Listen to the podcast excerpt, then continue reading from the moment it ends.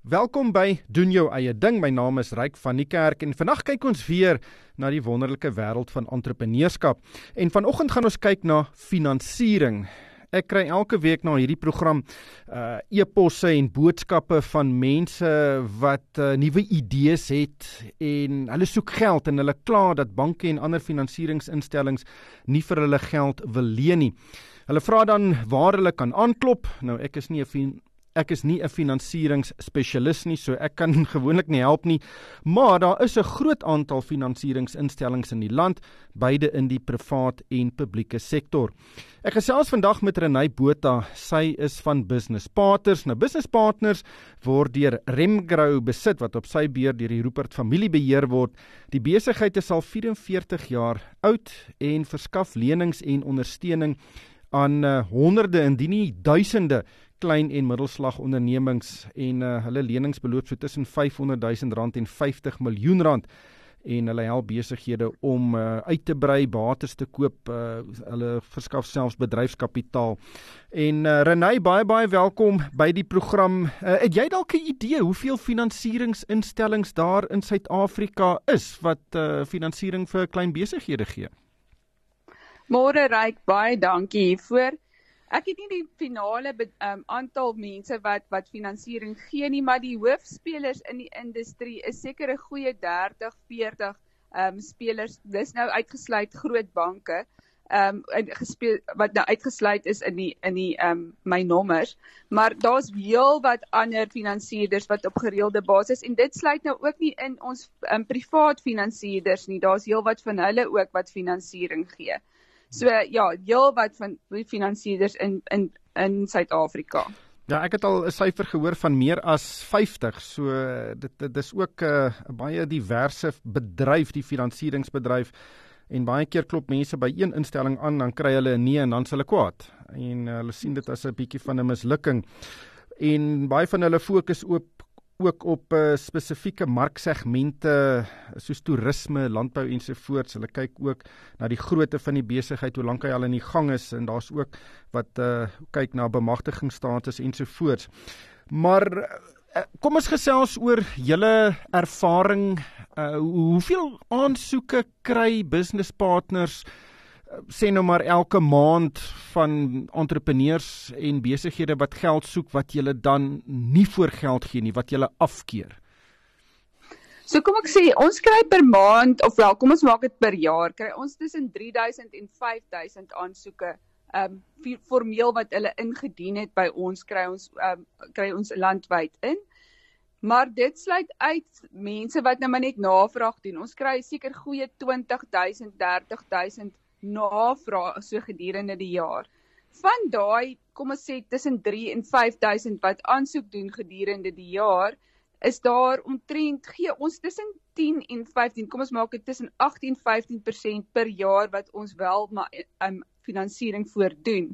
So dis maar 'n klein getal wat ons op die ou einde regtig finansier op um wat ons nou regtig finansier. So tussen ons ek dink ons het laas jaar het ons so by 350 besighede gefinansier. So dit gee vir jou die aanduiding hoe ons um finansieringsstelsel is. En dis 'n baie die norm van die finansiering versus wat um, mense wat die finansierders ontvang is baie soortgelyk in die industrie tussen 10 en 15% wat dan goedkeuring kry op die ou einde. So ons praat hier van 1 uit 10, miskien uh, een uit 7 aansoeke wat jy finansier en dit klink vir my geweldig uh, min. Hoe hoe kom is dit so laag? Wat wat is die probleme met die uh, aansoeke wat nie goedgekeur word nie? Kom ons begin deur te praat oor die finansierings um, omgewing. Nommer 1 moet mens aanvaar elke finansierder het ander kriteria en speel 'n spesifieke rol in die industrie. Daarom kan ek nooit sê nie 'n business partner is beter as 'n bank of is beter as 'n ander finansierder nie, want elkeen van ons het 'n spesifieke plek waar ons speel in die mark vir finansiering. So business partners kyk spesifiek na mediumtermyn finansiering.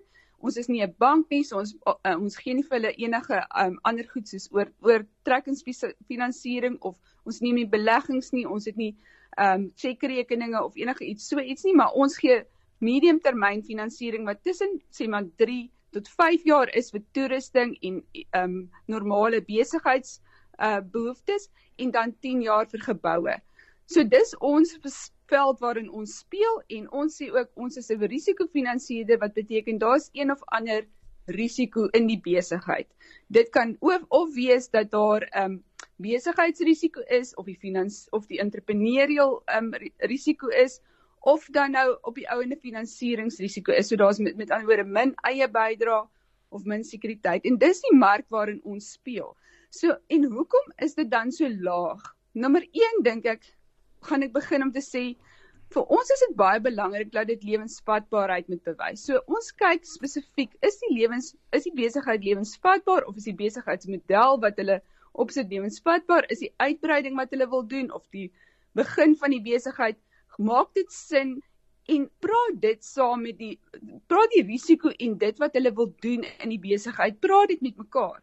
Ek bedoel jy kan nie 'n finansiering gaan gee van 'n 100% in 'n besigheid en die eienaar sit geen eie geld in wat nou kom ons noem dit nou ehm um, ek noem dit altyd in Engels patient capital is. Jammer vir die Engelse woord, maar daai wat jy kan maar bietjie wag vir my geld om terug te kom. Finansierders wil nie altyd wag dat hulle geld moet terugkom nie. Jy kan nie met ander woorde nie 100% van geld wat 'n finansierder insit in 'n besigheid insit nie want jy maak die lewensvatbaarheid van die besigheid op die ouende sit jy onder druk. En dis een van die redes hoekom besighede nie noodwendig altyd finansiering by ons kry nie en selfs by banke of by ander finansierders nie want die besigheid kan nie daai hoë finansieringskoste bekostig nie.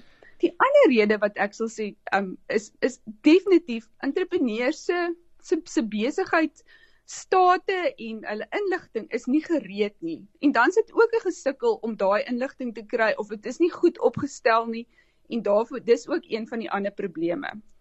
Ja, dit kan aandui dat die entrepreneur nie eintlik weet presies wat met die geldsaake van die besigheid aangaan nie. En uh dit is 'n uh, dis 'n probleem want kontantvloei is die is die hart en die bloed van enige besigheid.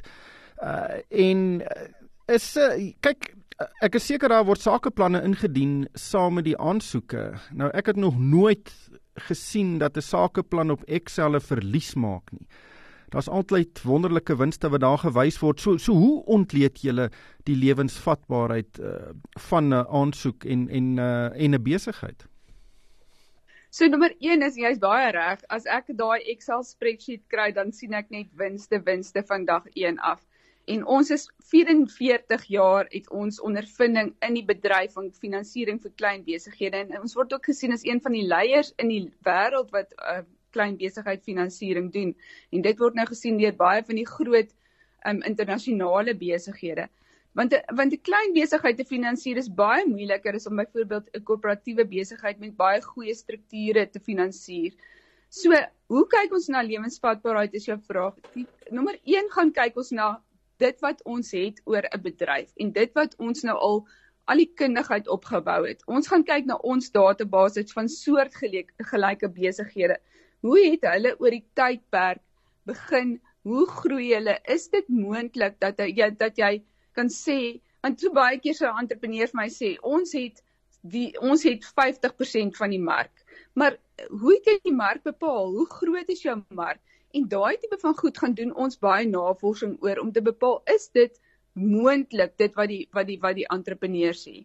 En dan gaan breek mens dit af per eenheid. Gaan kyk jy, kom ons sê die persoon verkoop een of ander item wat hulle sê maar bottels of wat ook al, gaan kyk hoeveel moet jy verkoop om op die ou einde te kom by die syfer wat jy uit wat jy maak en is kan jy dit byvoorbeeld kan jy dit in jou in jou stoorkamer hou soop jou bottels ook en en kan jy dit byvoorbeeld versprei na die mark toe? Is daar 'n aanvraag soveel in die mark? So daar's so baie goed waarna ons kyk en dit dan nou afbreek weer in syfers in sodat jou besigheidsplan, want dis jou woorde, moet praat met jou syfers wat jy in jou Excel spreadsheet gesit het. En volgens dit gaan bepaal ons op die ou einde is dit lewensvatbaar. Nou as ons weer die besigheidsmodel lyk lewensvatbaar, dan kom jy by die volgende goed, naamlik finansiering? Is daar genoegsaam 'n uh, eie bydrae wat die entrepreneur kan bydra vir hierdie spesifieke besigheid? Ek kry baie die vraag, hoeveel moet ek self insit? En dan sê ek vir die entrepreneur, weet jy, daar is nie 'n spesifieke reël nie. daai duimreeltjie nie. Daar's nie 'n spesifieke reël wat jy moet insit. Hierdie besigheid moet jy 50% insit, hmm. daai besigheid moet jy 20% insit nie. Op die ou einde gaan dit oor so baie goed in jou besigheid. Jy gaan kyk na debiteure. Hoe betaal jou jou jou debiteure ja. jou? Hoe betaal jy jou krediteure? En al daai goed gaan op die ou einde jou kontantvloei bepaal en jou lewensvatbaarheid van jou besigheid en hoeveel finansiering jy wel kan dra. Ja, ek dink die die punt is die finansierder moet nie al die en wil nie al die risiko dra nie. Die entrepreneur moet ook uh, groot blootstelling hê aan risiko so dat uh, want dit bring mee dat die entrepreneur regtig moet fokus om die besigheid 'n sukses te maak want dan as daar iets uh, fout gaan dan uh, is dit nie net die uh, finansierder wat geld verloor nie dit is ook die die entrepreneur. Ek gesels met Renay Botha, sy is van Business Partners en ons gesels oor die finansiering van besighede en veral klein besighede. Uh, Renay, hoe belangrik is ervaring van die entrepreneur? En miskien anders gestel, sal julle begin ondernemings finansier, iemand wat net met 'n idee by julle aankom en uh miskien 'n baie goeie idee wat dalk in 'n in 'n groot besigheid kan ontaard. Ehm um, dit ek dink jy jy raak aan 'n punt wat geweldig belangrik is vir enige besigheid. Op die ou einde gaan dit op die op die ou einde oor die jokkie wat die perd hardloop. Jy kan die beste entrepreneur hê en 'n besigheid wat bietjie sukkel en daai entrepreneur gaan daai besigheid deurtrek of jy kan 'n uitstekende besigheid hê en 'n 'n entrepreneur wat nie te sterk is nie of glad nie sterk is nie en hy gaan daai besigheid laat ondergaan. Dit werk net maar op die ou einde so. So ja, ons finansier wel begin besighede en ons kyk baie dan na die entrepreneur en sy ondervinding en hoe wat se sukses het hy al gemaak in besigheid. Nou ek sê altyd vir entrepreneur, jy weet ek werk op hierdie stadium 25 jaar vir die maatskappy En as jy nou my vir my vandag sê ek moet nou vir my eie besigheid begin, gaan dit ook heeltemal vir my 'n ander ervaring wees. Dis baie maklik om van van van business partners se kant af van entrepreneur te sê wat jy moet doen. Maar as jy daar is as entrepreneur, moet jy so baie besluite neem. En daarom is dit so belangrik dat daai entrepreneur die kundigheid het en natuurlike besigheidsondervinding het. So ek sê nie jy moet as jy 'n besigheid vir 'n klein vervaardigingsonderneming wil begin, dat jy noodwendig alles van daai produk moet weet nie. Maar as jy weet hoe om 'n besigheid te hardloop en as jy al voorheen besigheidsondervinding gehad het van wat jy bymekaar moet sit, is dit geweldig belangrik vir ons in terme van besigheid en of of die besigheid op die ou einde suksesvol gaan wees. Want daai entrepreneur gaan die plan vat en die regte goed in plek sit. So kan iemand met 'n idee na my toe kom. Ons het al baie keer 'n besigheid gefinansier wat 'n idee is en hy het nou die idee is daarom nou al so dat hy markgereed is. Dit moet ek daarom ook sê. Ons is nou nie daai wat hulle noem daai saadkapitaal insit in die besigheid om nou nog jou al jou ontwikkeling vir die produkte te doen. Die produk moet ten minste mark um, gereed wees. Maar in daai opsig het ons ook al daai entrepreneurs gefinansier wat dit het, maar gewoonlik het hulle ook goeie ondersteuningssisteme ja. of ons help dat hulle ondersteuningssisteme in plek sal sit. Jy het vroeër gesê dat verskillende finansieringsinstellings het uh, uiteenlopende kriteria waarop hulle hulle besluite baseer om nou uh, finansiering te verskaf of nie. sien julle dat baie entrepreneurs aansoek doen by verskeie finansierders en waar dit deur in hulle gesig toeklap dan word hulle nou nie afgesit nie. Hulle gaan na 'n ander instelling toe wat dalk uh, anders na hulle plan kyk. Is, is dit 'n benadering wat julle sien baie entrepreneurs volg? Ja, geweldig baie. Ehm um, en ek dink dit is die een ehm um, nou kan ek altyd sê dit entrepreneurs hoekom ek altyd met entrepreneurs werk is omdat hulle hulle gee nie maklik moed op nie. Hulle sal oralste probeer as hulle die idee het en hulle weet dit gaan werk en hulle gaan dit maak werk sal hulle alles in hulle vermoë doen. So baie van gewoonlik begin entrepreneurs natuurlik maar by hulle eie persoonlike bankier en begin daar met die finansiering, maar die banke het maar hulle eie kriteria in plek wat hulle na kyk en wat hulle seker wil maak ehm um, voordat hulle finansier. As hulle nie daar regkom nie, sal hulle baie keer by ons land of by een van die ander daar's ook baie van die staatsinstellings wat finansiering doen. Of dan natuurlik wat ons nou noem die meer duurder tipe van finansierders wat vir jou meer oorbruggingsfinansiering in plek sit, maar weer eens hulle speel ook 'n rol spesifiek in daai bedryf en en en daar's dis baie belangrik om as entrepreneur in ag te neem wat jou koste van kapitaal is en wat die geleentheidskoste is wat jy betaal. Want op die ou einde kan jy duurder betaal vir die geleentheid wat sin maak sodat solank dit sin maak vir die besigheid, anders gaan jy dit dalk nooit kan begin nie. So hmm. partymal moet jy daai geleentheidskoste betaal, maar maak seker dat daai geleentheidskoste nie op die op die ou net te veel druk op jou besigheid sal sit nie. Ja, oorbruggingsfinansiering kan baie baie duur wees. Uh, ek het al gesien dat sommige instellings 1% rente per week vra. Uh, maar gepraat van rentes, wat gepraat van rente, watter rentekoerse is is tipies gekoppel aan hierdie tipe van besigheidslenings? So as jy begin kyk, elke ding gaan kyk jy na watse opbrengskoers wil 'n uh, investeerder hê. So ek vergelyk dit altyd met 'n investeerder. Met ander woorde, kom ons begin by iets soos 'n soos 'n huis of 'n of 'n eiendom of wat ook al.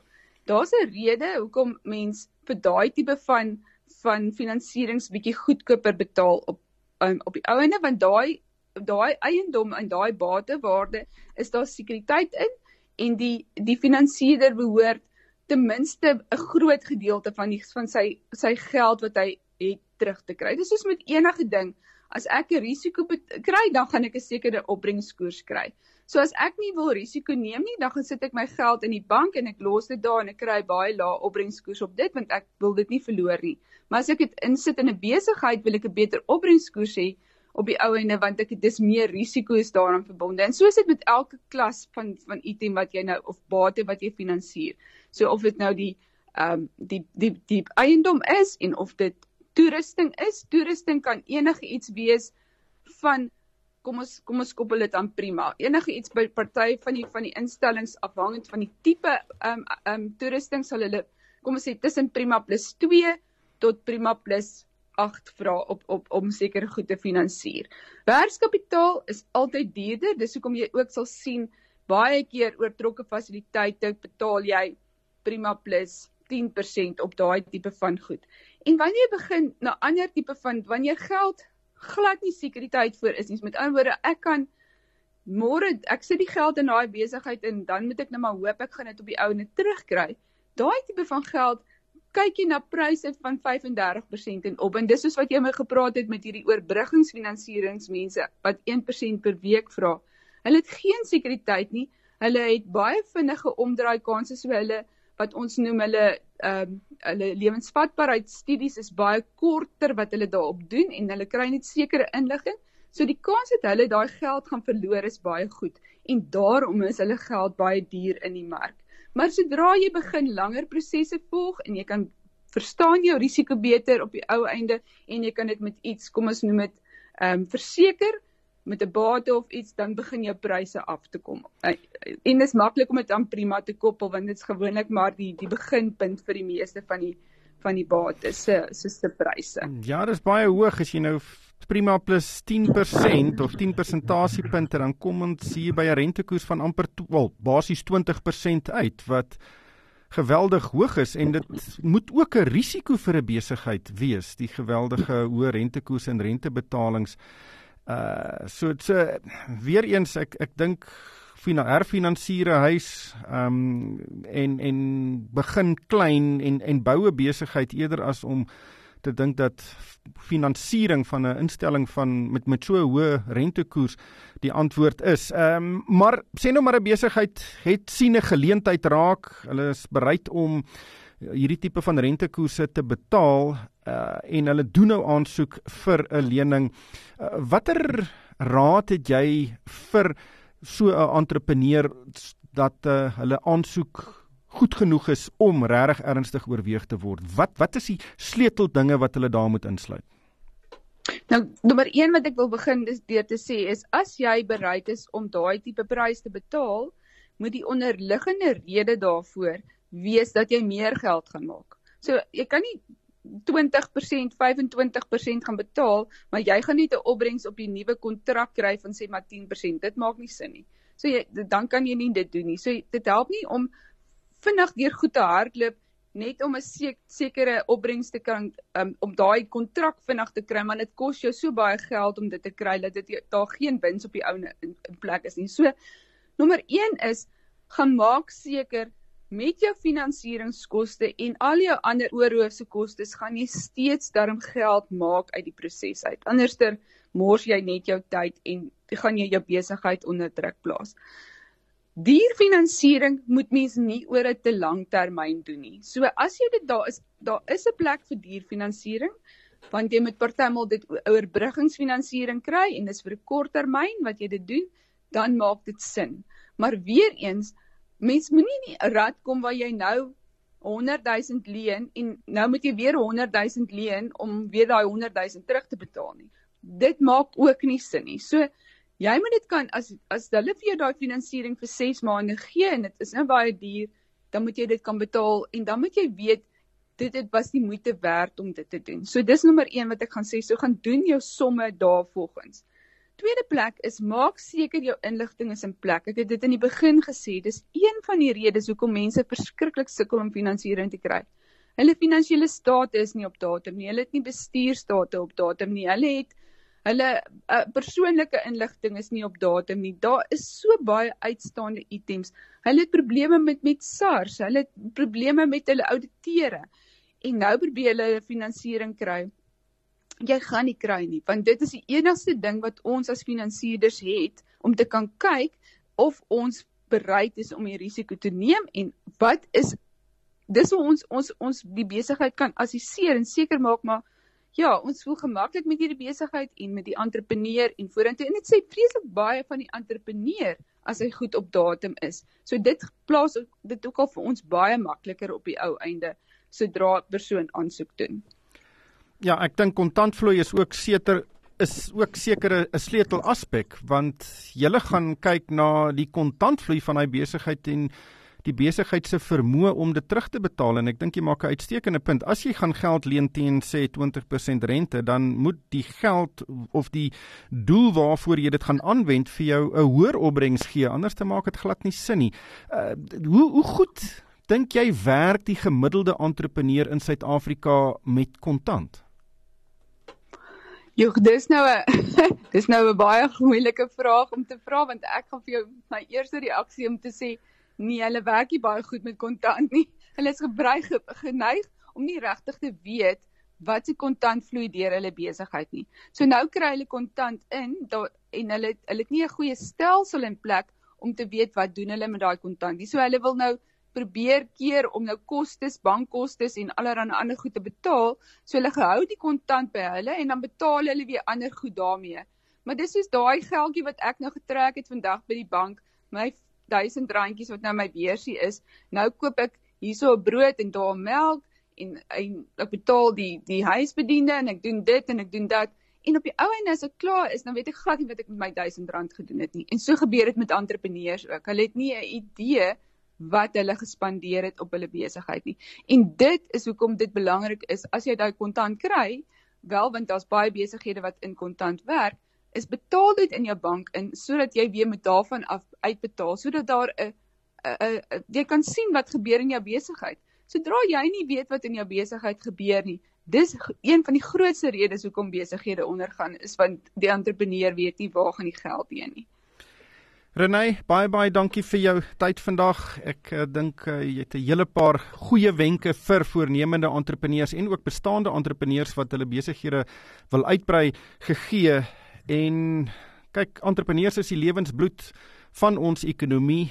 Uh, dit het baie baie mense in diens en werkskepping is natuurlik so belangrik.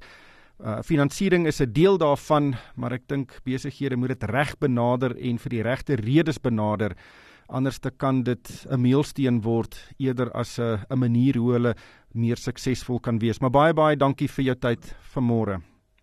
Dankie Ryk vir die geleentheid. Dit was Renay Botha, sy is van Business Partners en uh, luisteraars kan vir my 'n e-pos stuur. My adres is ryk@moneyweb.co.za. En daarmee groet ons van my Ryk van die Kerk en die Moneyweb span. Baie dankie vir die saamluister en ek hoop almal het 'n uitstekende Dinsdag verder.